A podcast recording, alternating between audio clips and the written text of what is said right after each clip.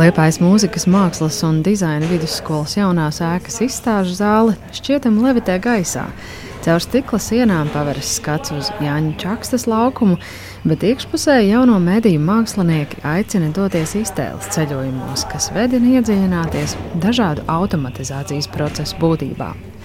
Par izstādes ideju sarunājamies ar vienu no kuratoriem, skaņu mākslinieci un pasniedzēju Dīnteru. Runājot par to, kā automatizācija ienāk mākslinieka ikdienā, ko tas vispār nozīmē, ko nozīmē varbūt autorība, tad, ja tu atdod daļu savu izvēļu, piemēram, mākslīgā intelekta rīkiem, bet jā, arī kā tas ir, kad mākslinieki vienmēr ir ekspresīvi, viņi reaģē un ir ļoti aktīvi un arī ļoti emocionāli. Bet tajā pašā laikā ir eh, ļoti daudz īstenībā tās puses mākslā arī, kur, lai tu sasniegtu to, ko tu vēlies, lai tu sasniegtu kaut kādu izcilu rezultātu, tev īstenībā ir ļoti daudz jāatkārto lietas. Un tur arī ienāk tā automatizācija un automātiskums. Tā kā tādas divas puses, no vienas puses, jā, izvērtējot un cenšoties ieraudzīt varbūt kaut kādas rutīnas procesus tajā savā ikdienā, kas ļauj novest tad, darbus līdz galam un līdz pilnībai, kad tie tiek izstādīti. Un, uh, Un otrā puse arī tāds gan kritisks, gan tāds arī priecīgs skats uz tehnoloģijām, par to, ko tās sniedz un kā ar tām darboties radoši. Izstāde rīko Liepājas Universitātes mākslas pētījumu laboratorija un biedrība ASTE. Tas ir akronīms no vārdiem māksla, zinātne, tehnoloģijas un izglītība angļu valodā, kas ik gadu Liepājā rīko vairākus starptautiskus jauno mēdīju un skaņu mākslas pasākumus. Arī izstāde Automātiskais radošums tapusi pēc viena no šādiem pasākumiem - festivāla update, kas Liepājā notiek jau vairāk nekā desmit gadu kopš universitātē māca jauno mediju mākslu un dizainu. Turpina Krista Dīntere. Šajā izstādē mēs aicinājām piedalīties tieši tos māksliniekus, kuri šajā gadā vadīja radošās darbnīcas festivālā. Katrs no viņiem jā, festivāla laikā darbojās ar aptuveni desmit cilvēku lielu jauniešu grupu. Ar studentiem? Jā, jā ar studentiem. Aha. Un tad nedēļas laikā viņi radīja, katrs students radīja kaut ko savu.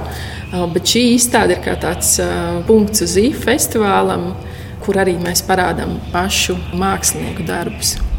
Šajā izstādē tad, no Latvijas piedalīsies Kristus Zilo, Gustavs Lociks. No ārzemēm mums piedalās Igaunijas mediju mākslinieks Tāvijas Uisalu, amerikāņu māksliniece Sabrina Derlinga Jonesa, no apvienotās karalists eksperimentālo filmu speciālists Pīts Gomes un arī mākslinieks no Ukrainas, Aleksandrs Sirus. Viņu darbi nav radīti speciāli šai izstādē, bet eleganti parāda, cik klātesoša šī automātisma un radošuma miedarbe ir mākslinieku daļradē. Vispirms lūdzu Kristai Dinterē pastāstīt par dažiem darbiem, kuru autori nav klāti. Mēs sākam ar ukrāņu mākslinieka Aleksandra Sirusa radītu virtuālās realitātes piedzīvojumu.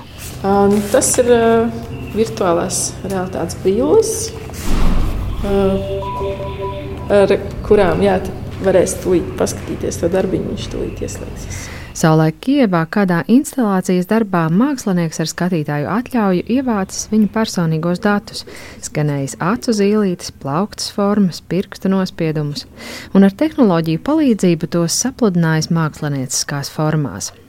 Es uzvelku virtuālās realitātes brilles un nokļūstu mākslinieka radītajā pasaulē. Man rādīja, šo tiešām būs ļoti grūti pastāstīt, bet es pašlaik redzu izplatījumā peldošus acu ābolus palmu fonā.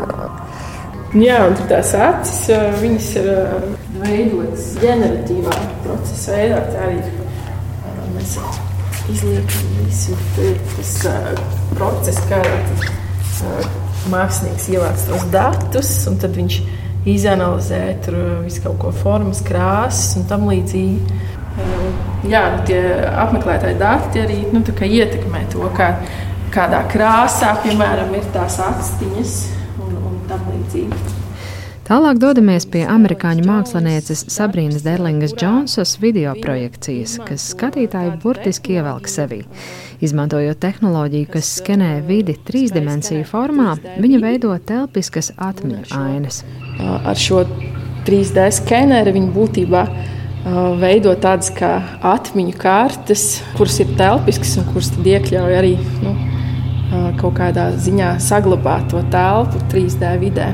Pēc tam strādājot ar šo materiālu un radot tādas tā kā atmiņu atbalsis karosta, vai ne? Šī ir karosta, jā. Jā, šī mākslinieca šobrīd studē doktorantūrā un ir bieži viesis Latvijā. Jā, nu, arī teiksim, viņai ļoti interesē mākslīgā intelekta rīki, jo šis, šīs vizualizācijas tiek veidotas no šiem 3D skaniem ar, ar neirālo tīklu palīdzību. Citā izstāžu telpas malā redzams mākslinieces Kristas Dudzilo darbs, kurā viņa notvērusi to brīdi izpildītāja mākslinieka praksē, kur sastopas rutīna un radošums. Tas ir viņas vizuālās komunikācijas maģistra darbs Mākslas akadēmijā 2016. gadā, kas lieliski iegulis pērnruden pasniegto liepais meistarklašu un tām sekojošās izstādes kontekstā. Mm, jā, tas ir eh, Mālera sastā simfonijas pamata būvēts darbs, ar nosaukumu sastāv pasaules radīšana. Protams, eh, mūzika ir ārkārtīgi būtiska, vienmēr bijusi darbos un, eh, un vispār dzīvē, bet, jā, bet šī darba pamatā vairāk ir caur mūziku un caur mālu ar sesto simfoniju, kā pietuvoties vienotībai, absolūtā vientulībā. Kā būt pilnīgi vienam, bet e, piedzīvot vai just sevi daļu no visuma, vai, vien, vai jā, ka tu esi mazs, mazs gabaliņš no kaut kā milzīga, kur tu varbūt nesaproti, tu viņu nedzirdi, tu viņu neredzi, bet tev ir jābūt sajūtai, ka kaut kas ir vai ka manī ir šī sajūta, ka kaut kas ir daudz, daudz lielāks vēl. Jā, un um, šis ir um, kā jau lielākā daļa man darba ļoti sarežģīts, ļoti garlaicīgs video. kas ir stundu garš, gan uh, tikpat cik Mālera sastāvā simfonija. Un, uh, Video darbā redzama flautiste Liena Denisjuka straupe, melnā samta kleitā uz melna fona, ilgstošā klusumā, pacietīgi sekojot Gustava Mālera sastās simfonijas partitūrai un gaidot savu nelielo pikolo flautas iznācienu. Kas ir ļoti lēns, gaidošs process, jo tā partija ir ārkārtīgi maza. Viņa ir tikai 4. daļā. Tas ir pāris tādas īsas ieejas, drīzāk tāda kaut kāda atsaukšanās, kaut kāda motīva atkārtošana, bet ārpus konteksta viņa vienkārši drīzāk izklausās kā tādi skaļi spēlīgi iesaucieni tukšumā.